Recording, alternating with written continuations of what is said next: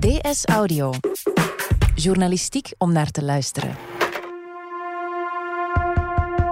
Deze pandemie heeft ons overrompeld. De wereld schrikt op en het voelt als science fiction bijna. Behalve voor wetenschappers, die wisten dat dit kwam en wat er nog komt. Want dit is slechts één van de 1,67 miljoen virussen die wij nog niet kennen. Het is vrijdag 24 april. Ik ben Nele Eekhout en van op afstand is dit DS Audio.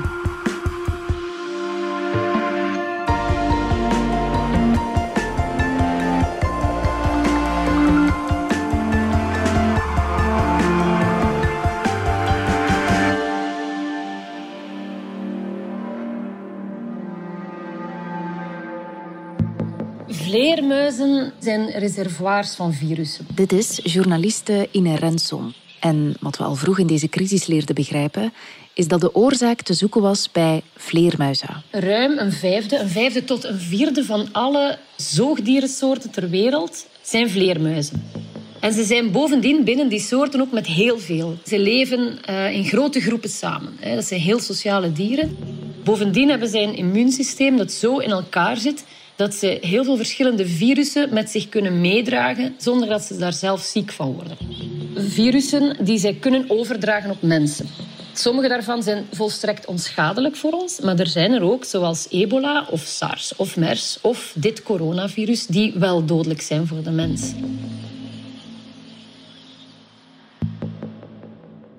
Er waren uh, al verschillende verhalen hè, over vleermuizen. Het virus is oversprong van dieren op mensen enzovoort. Ik ben er verder over beginnen lezen en ik kwam toen op uh, teksten, uh, wetenschappelijke teksten, um, quotes van wetenschappers die insinueerden dat wij eigenlijk de oorzaak zijn van dit soort pandemieën omwille van de manier waarop wij ingrijpen in de natuur. En dat intrigeerde mij en dus ben ik daar verder in beginnen graven. Dus mijn hoofdvraag was dan eigenlijk: is de uh, ecologische crisis die wij op grote schaal op deze planeet veroorzaken de onderliggende drijfveer van het uitbreken van pandemieën? Is dat zo? En hoe zit dat dan precies? En ben je dat te weten gekomen? Is het zo? Ja, effectief. Hè? En dat heeft mij ook verwonderd. Ik moet zeggen, het is um, iets waar ik wel al iets over wist, maar ook niet zo bijzonder veel. Ik ben daar als een gek over beginnen lezen. Ik heb heel veel uh, ja, studies en teksten en zo daarover gelezen. En dat is, dat is eigenlijk al bijzonder goed gedocumenteerd. Er zijn uh, biologen, virologen, epidemiologen die hier al, al jaren mee bezig zijn, die in de field, in de bush, overal ter wereld onderzoek voeren naar uh, exact dit thema. Ik vond het vooral heel intrigerend om te zien ook hoeveel mensen daarmee bezig zijn, hoe wijd vertakt dat netwerk is van biologen, virologen, epidemiologen enzovoort, die allemaal op hun manier in grotten, in tropische bossen, overal ter wereld al jarenlang dit soort dingen zitten te onderzoeken. En nu komt dat allemaal op een of andere manier samen hè, in dit verhaal. Wetenschappers waarschuwen al jaren vanuit hun labo's dat er potentieel gevaarlijke virussen overspringen van dieren op mensen. En een van hen is de Chinese virologe Xi Zhengli. Dat is een van de meest gereputeerde virusjagers ter wereld. In China uh, heeft zij de bijnaam de Batwoman. Dat komt omdat zij de ontdekster is, of mede-ontdekster is, zeg maar, van heel veel verschillende coronavirussen. Onder andere SARS heeft zij ook... Uh, ontdekt. En zij en haar team voeren al 16 jaar expedities in Chinese grotten naar vleermuizen.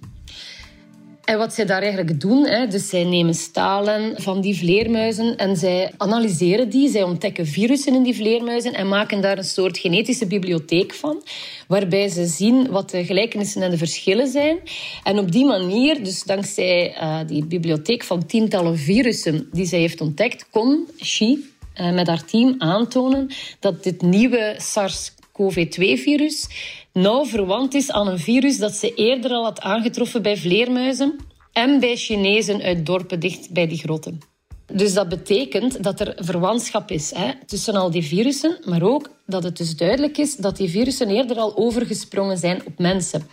En nog niet zo lang geleden, in september, hadden zij, uh, en een rits collega's in Nature, een gerenommeerd wetenschappelijk tijdschrift, een belangrijke studie gepubliceerd waarin ze aangaven dat dat contact tussen mensen en wilde dieren Chinese plattelandbewoners had besmet met coronavirussen die gerelateerd waren aan SARS. Dus SARS is een heel gevaarlijk virus geweest. Uh, en dat had eigenlijk al wereldwijd alarmbellen moeten doen afgaan. Want wat zij daar schrijven is, ja, dit soort virussen springt geregeld over. Ze zeggen ook, het was een kwestie van tijd voor een besmettelijke en een gevaarlijke variant de wereld zou rondgaan. En dat is dus exact wat een aantal maanden later gebeurd is. Hè. Ja, Ine, wij schrikken ons nu allemaal kapot, maar zij wisten dit dus al. Ja, dat is zo. Wat je heel hard merkt, is dat die biologen, ik noem ze nu biologen of wetenschappers, het zijn allemaal subcategorieën natuurlijk, een klein beetje het gevoel hebben van eindelijk wordt er naar ons geluisterd. Wij staan al jarenlang te roepen, ja, ik zou zeggen in de woestijn, maar het is vaak in de tropische bossen, hè, ja. uh, wat er aan de hand is. Maar je hebt een aantal van die wereldvermaarde wetenschappers kunnen spreken, allemaal mensen die dan nu natuurlijk overbevraagd zijn. Hoe komt het dan dat we nu in zo'n stroomversnelling zijn geraakt? Want wat ik nu begrijp is dat dieren altijd al ziektes hebben doorgegeven aan mensen. Eigenlijk komen wij hier als mens in de picture nu. Het zijn voor alle duidelijkheid niet de dieren die hiervoor verantwoordelijk zijn, maar de mens. Uh, zorgt ervoor dat het aantal besmettingen van dieren op mensen toeneemt. En dat komt simpelweg door onze omgang met de natuur. Wat doen wij? Wij dringen diep door in ongerepte gebieden waar we vroeger nooit kwamen. We vangen daar dieren, we verkopen die, we eten die op. Um, we kappen hele stukken bos weg, leggen plantages in de plaats. We trekken wegen door bossen hè, om mijnen te exploiteren. En die grootschalige commerciële activiteiten brengen mensen, arbeiders, mijnwerkers, uh, boeren in contact met die dieren. Zij krijgen infecties waar ze niet immuun voor zijn, nemen die mee naar huis, naar de steden waar zij afkomstig zijn. Want die arbeiders bijvoorbeeld die in mijnen werken of op plantages worden vaak van honderden kilometers ver ingebracht. Hè.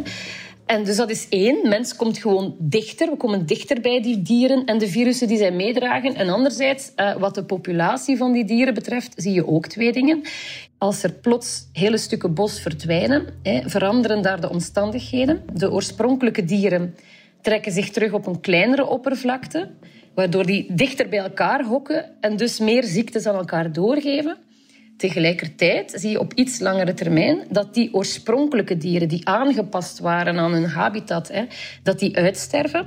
En hun plaats wordt ingenomen door andere soorten die het goed doen in verstoorde ecosystemen. En dat zijn dan met name vleermuizen en knaagdieren. Het zijn niet alleen vleermuizen, ook andere wilde dieren dragen ziektes over op de mens. En die dieren zijn dragers van veel virussen. Ze planten zich snel voort en ze komen nauw in contact met de mens. Die komen, knaagdieren en vleermuizen komen in de huizen van die boeren die daar werken, op die plantages enzovoort. Ja, niet de natuur, maar de mens ligt aan de oorzaak. Nog een stapje verder gaan de theorieën en berichten dat dit virus ook echt letterlijk door de mens zou gemaakt zijn. Hè? Maar dat is voor de duidelijkheid niet waar deze wetenschappers die je hebt gesproken het over hadden. Hè? Ja, dus um, je zag uh, een week geleden hè, dat zowel de Washington Post als Fox News uh, anonieme bronnen aanhaalden die um, er bezorgd over waren dat het virus mogelijk per ongeluk vanuit uh, het Wuhan Instituut voor Virologie en het Centrum voor Ziektecontrole en Preventie in Wuhan zou zijn verspreid. Dus in dat geval zou een van de werknemers van het lab besmet zijn geraakt en zo het virus hebben overgedragen op inwoners van Wuhan. Uh, dat is een theorie, daar wordt heel veel over gespeculeerd, maar daar zijn nog altijd geen bevestigingen over. Ik las deze week in Nature een studie die dat eigenlijk formeel ontkent. Maar goed, dat is wetenschap. Je hebt altijd mensen die daar wel in geloven en anderen niet. Nu, hoe dan ook, hè, zelfs al is die besmetting nu nog gebeurd door een virus dat ontsnapt zou zijn uit een labo, dan nog um, ontkracht dat niet hetgeen wat ik daarnet allemaal vertelde. Hè? Dat die besmetting van dier op mens regelmatiger gebeurt, dat dat vastgesteld wordt in heel veel gebieden, niet alleen in China, maar ook in Afrika, in de Amazone, zelfs uh, in Europa. Dus dat, is, dat mechanisme blijft, hè? wat ik daarnet besprak. Dus het zou um, een beetje dom zijn op zo'n moment nu om onszelf een rat voor de ogen te draaien door te denken van nee, is, wij hebben er allemaal niks meer te maken, het is per ongeluk gebeurd. En de meeste waarnemers, wetenschappers gaan er dus nog steeds van uit dat het virus van een dier op mens is overgegaan op een markt in Wuhan waar wilde dieren werden verkocht. Waarom is het niet toevallig dat het virus zich daar net heeft kunnen ontwikkelen? Um, ja, die markten, wetmarkets, hè, zoals we die noemen, zijn eigenlijk een levend labo voor virussen. Zo noemde Herwig Leerstad. Herwig Leers is een uh, professor zoologie aan de Antwerpse Universiteit, die al jaren onderzoek voert in Afrika en Azië naar ziektes die voortkomen uit knaagdieren. En hij zei, ja, kijk, dieren die anders niet met elkaar in contact komen, zitten in kooien op en naast elkaar. Die besmetten elkaar met hun uitwerpselen.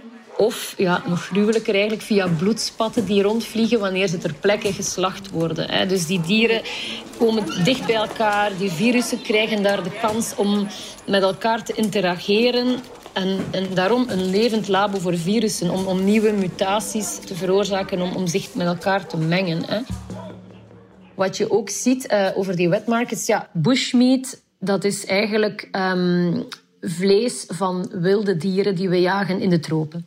Bushmeat hè, werd alleen verkocht in lokale gemeenschappen. Dat gebeurt nog altijd op zeer grote schaal in Afrika bijvoorbeeld, in Azië, uh, nog altijd. Ter plekke, zeg maar, in kleine dorpen. Maar tegenwoordig is het ook een delicatesse voor rijke stedelijken. Het is trouwens ook bekend dat in de Matonge-wijk in Brussel bijvoorbeeld, hè, kun je ook bushmeat krijgen. Um, dus die dieren worden over grote afstanden getransporteerd naar miljoenen steden zoals Wuhan. En ze worden daar samen met de ziektes die ze meedragen binnengebracht. En op die manier creëer je op een plek waar heel veel mensen heel dicht bij elkaar wonen, een perfecte storm natuurlijk voor het ontstaan van pandemieën. Je zou vanuit een westers standpunt kunnen zeggen, gewoon die markten verbieden en alsjeblieft geen vleermuizen eten. Maar zo simpel is het misschien niet. Nee, zo simpel is het niet. Natuurlijk, dat is wel wat alle mensen die ik heb gesproken ook zeiden. Dat is wat sowieso idealiter zou moeten gebeuren. Hè? Die markt te verbieden. Dat is wat dokter Fauci, hè, de, de Amerikaanse Mart van Rans, ook al gezegd heeft. Hè? Moesten we die nu eens kunnen verbieden? Um, en dat is, zo, dat is wat China nu ook doet. Hè? Dus dat is al een goed begin. Anderzijds um, is bushmeat eten in veel gemeenschappen, en dan spreek ik bijvoorbeeld ook over Afrika, maar ook over plattelandsgemeenschappen in uh, Azië en Latijns amerika een eeuwenoude traditie. Je kunt dat echt niet van vandaag op morgen verbieden. Anders gaan die markten gewoon ondergronds en dan heb je geen controle meer. Kate Jones van de uh, University College in Londen zei van ja, kijk, bushmeat is een belangrijke bron van eiwitten voor miljoenen arme mensen. En NGO's en wetenschappers zeggen dat zomaar verbieden zonder alternatieven aan te bieden voor die mensen een voedingssysteem heeft eigenlijk weinig zin. En vooral, zegt zij, dat zou de aandacht afleiden van het grotere plaatje. Want dat grotere plaatje dat is iets complexer dan het wel of niet eten van bepaalde soorten vlees van bepaalde soorten markten. Hè? Ja, en uiteindelijk zou het niet zo slim zijn om ons te miskijken nu enkel op die wet markets. Hè? Want dit is gewoon veel breder. Dit hele verhaal gaat eigenlijk over de groeiende vraag naar voedsel in het algemeen. Over industriële productie uh, van voedsel, maar ook van productie in miljoenen steden die groeien ten koste van de woonplaatsen van die wilde dieren. Dit is een verhaal uh, van urbanisatie en bevolkingsgroei, van wereldhandel en vliegverkeer, waardoor dat is ook belangrijk, ziektekiemen zich dan ook nog eens razendsnel verspreiden. Wat Kate Jones van de University College in Londen mij zei, is dit is simpelweg de prijs die we betalen voor onze economische ontwikkeling. Een besmetting, zegt zij, en zeggen vele anderen met haar, die gebeurt in een landbouwgemeenschap in China of in een afgelegen dorp in Afrika, zit nu tegenwoordig in geen tijd in een miljoenenstad en gaat zo de wereld rond. En we zagen dat gebeuren met ebola, we zagen het met SARS en we zien het nu, zien het nu opnieuw. En dat is, zeggen die wetenschappers, wat ons zorgen moet baren. Ja, als ik het zo hoor, zijn de grote oorzaken landbouw, mijnenbouw, verstedelijking, over bevolking. Dat zijn wel allemaal zaken waar we niet zomaar omheen kunnen, toch? Wel, Peter Daszak, die ik ook heb kunnen spreken, is de directeur van de EcoHealth Alliance in Amerika. Dat is een NGO die eigenlijk ziektes in dieren probeert op te sporen en probeert in te schatten welke daarvan pandemieën kunnen veroorzaken. En wat Peter Daszak mij daarover zei is, Kijk, uh, we moeten ook niet naïef zijn. Hè. Um, hij zegt, ik besef ook wel dat we niet zomaar alles over een andere boeg kunnen gooien. We, we zullen voedsel blijven telen op grote schaal. We zullen onderdelen voor onze gsm's en elektronica uit mijnen blijven halen. Hij zei letterlijk ook, ja, het is, is geen kwestie van iedereen moet hier nu onmiddellijk allemaal vegetarisch worden of zo, want dat is niet realistisch, zegt hij. Maar we moeten wel beseffen wat de gezondheidskosten zijn van ons hele consumptiesysteem uiteindelijk, ons productiesysteem. Hij zegt telkens als we een nieuwe weg door een bos jagen, is het nu om een plantage aan te leggen of om een nieuwe mijn te openen, dan moeten we die kosten-batenanalyse maken.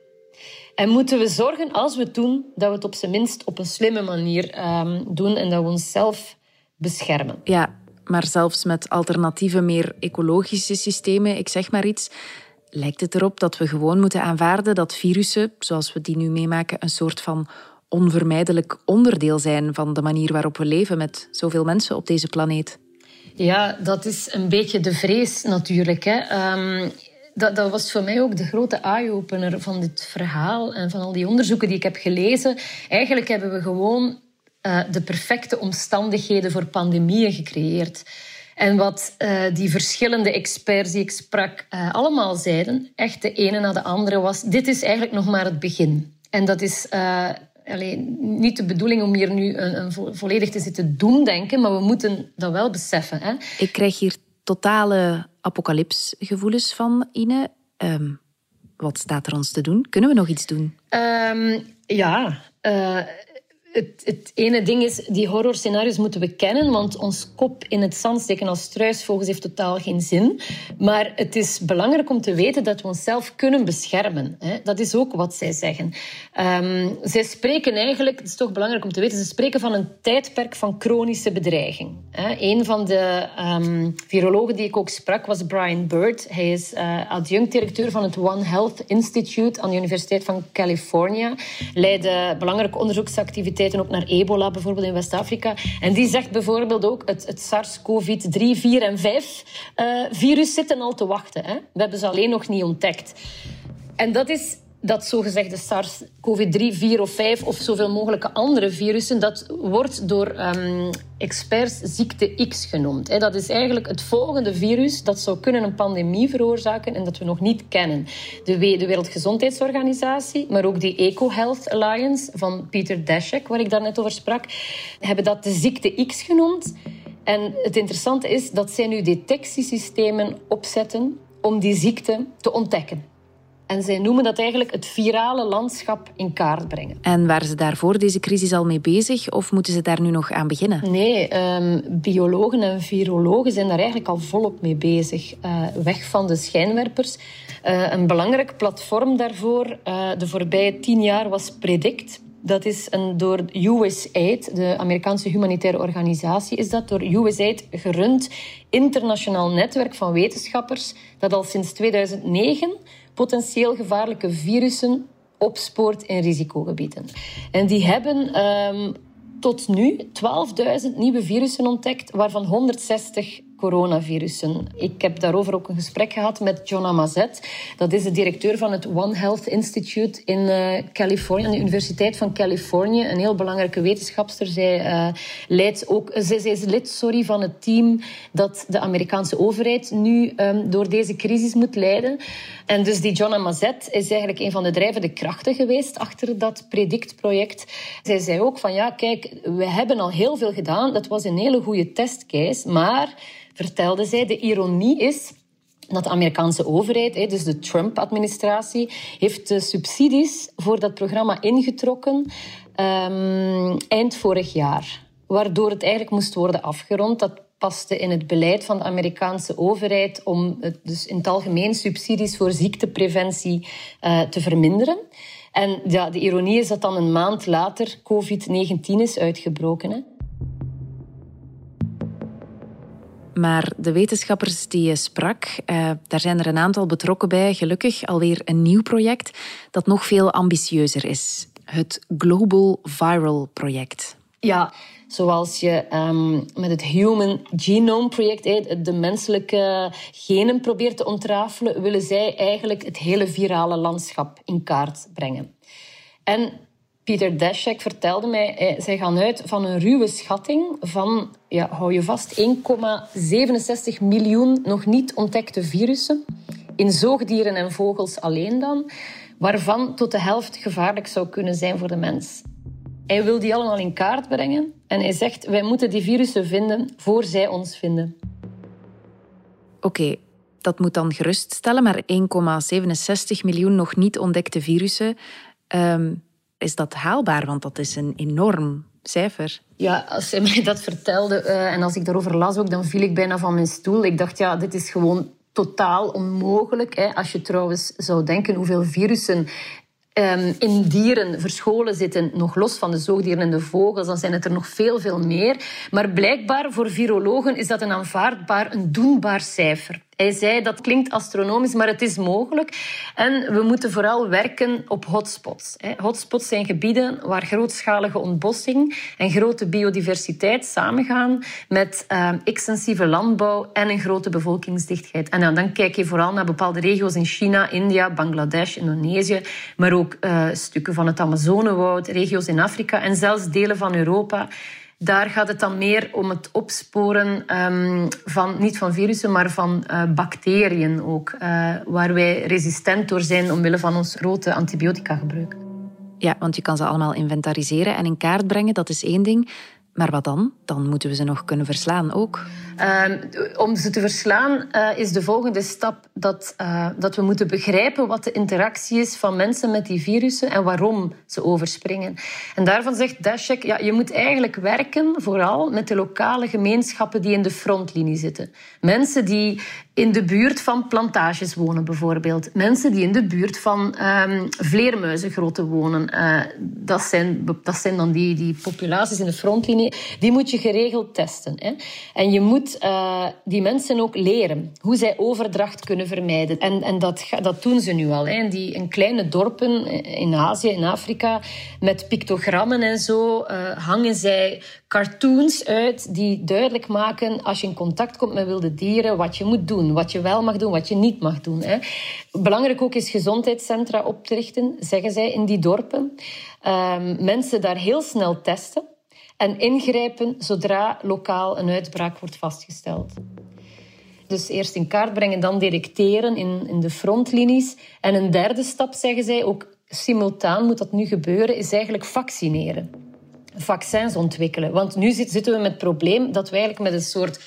Ja, dat we vastzitten hè, als maatschappij en, en, hoopvol wachtend op de komst van een uh, vaccin dat er misschien over anderhalf jaar zal zijn. En dat zeggen zij allemaal, dat kunnen we ons niet permitteren om telkens zo lang te moeten wachten. Dus aan de hand van de kennis die je dan stilaan in kaart brengt van welke virussen ons kunnen bedreigen en waar die zitten en waar ze mogelijk kunnen overslaan, kun je ook al preventief vaccins beginnen ontwikkelen. En volgens mensen die daar iets van weten, die ik heb gesproken, die zeiden ja, er is wel een mogelijkheid om universele vaccins tegen verschillende stammen van coronavirussen bijvoorbeeld te ontwikkelen. Dat gebeurt trouwens nu ook al met het griepvirus. Ik hoor nu, de kennis is er. Uh, de, de, de, er zijn methodes om ons hiertegen te beschermen. Zijn we nu voldoende bezig aan de volgende pandemie, om ons voor te bereiden op de volgende pandemie? Is dit onderzoek ja, in, in actie omgezet aan het worden? Ja, dus dat detectiesysteem, dat Global Virome Project, die mensen zelf, dus die wetenschappers, zijn daar nu geld voor aan het ronselen. Die zijn budgetten bijeen aan het krijgen en dat gaat blijkbaar redelijk vlot. Misschien zal het nu met, met deze crisis nog vlotter gaan. Um, dus dat is iets wat inderdaad wel gebeurt. Maar het is wel zo, dat gaat niet alleen maar lukken als een aantal wetenschappers in Amerika zich hiermee bezighouden. Hè. Dit detectiesysteem voor pandemieën vraagt intense internationale samenwerking. En dat kost geld. Ze hebben berekend dat dat een 1 à 4 miljard dollar zou kosten, afhankelijk van hoe ambitieus ze willen zijn, hoeveel ze willen in kaart brengen. Maar zij zeggen ook dat is dan nog maar een fractie van de 10 miljard dollar die ebola de maatschappij heeft gekost en de 50 miljard die verloren ging aan het indijken en het behandelen van SARS. En ja, Jonna Mazet zegt ook ja, een beetje schamper van kijk, de kost, kostprijs van deze crisis van COVID-19 kennen we nog niet, maar die loopt wereldwijd in de biljoenen dollars. Dus dan is 1 tot 4 miljard dollar eigenlijk niks. Zij hopen dat deze crisis een hefboom is om budgetten los te weken, maar vooral ook dat, dat ze, de wereld wakker schudt. Dat, uh, dat roepen in die woestijn, dat is een beetje het verhaal van klimaatwetenschappers ook. Hè?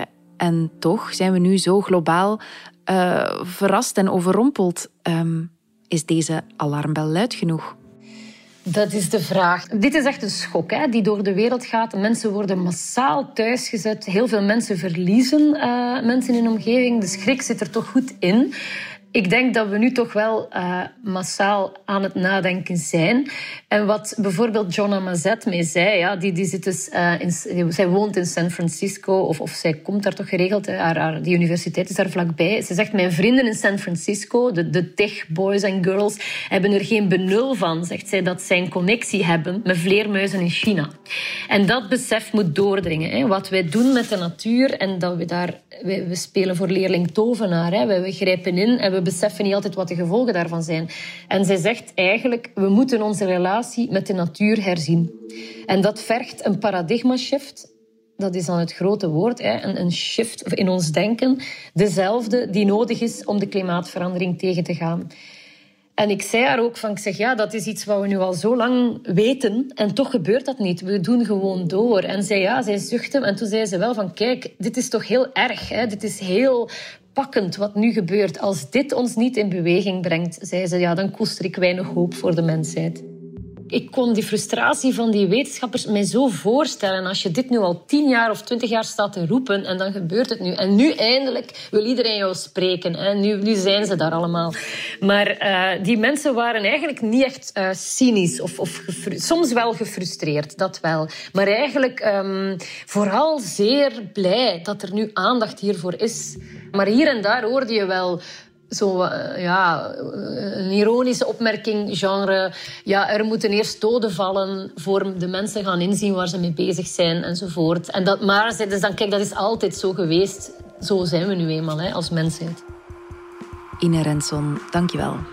Graag gedaan. Dit was DS Audio. Wil je reageren? Dat kan via dsaudio.standaard.be. In deze aflevering hoorde je Ine Renson en mezelf, Nele Eekhout. De redactie gebeurde door Joris van Damme en eindredactie door Annelies van der Roost. Joris van Damme deed de audioproductie. Brecht Plasgaard schreef de muziek die je hoorde in de podcast. Chef audio is Wouter van Driessen. De extra geluidsfragmenten die je hoorde kwamen van Reuters. Vond je deze podcast interessant? Weet dan dat je er elke werkdag in kunt beluisteren. Dat kan via de DS Nieuws app of via standaard.be-audio. Je kunt je ook abonneren via iTunes, Spotify of de podcast-app van je keuze. En als je daar dan toch bent, schrijf gerust een review. Zo toon je ook anderen de weg. Maandag zijn we er opnieuw.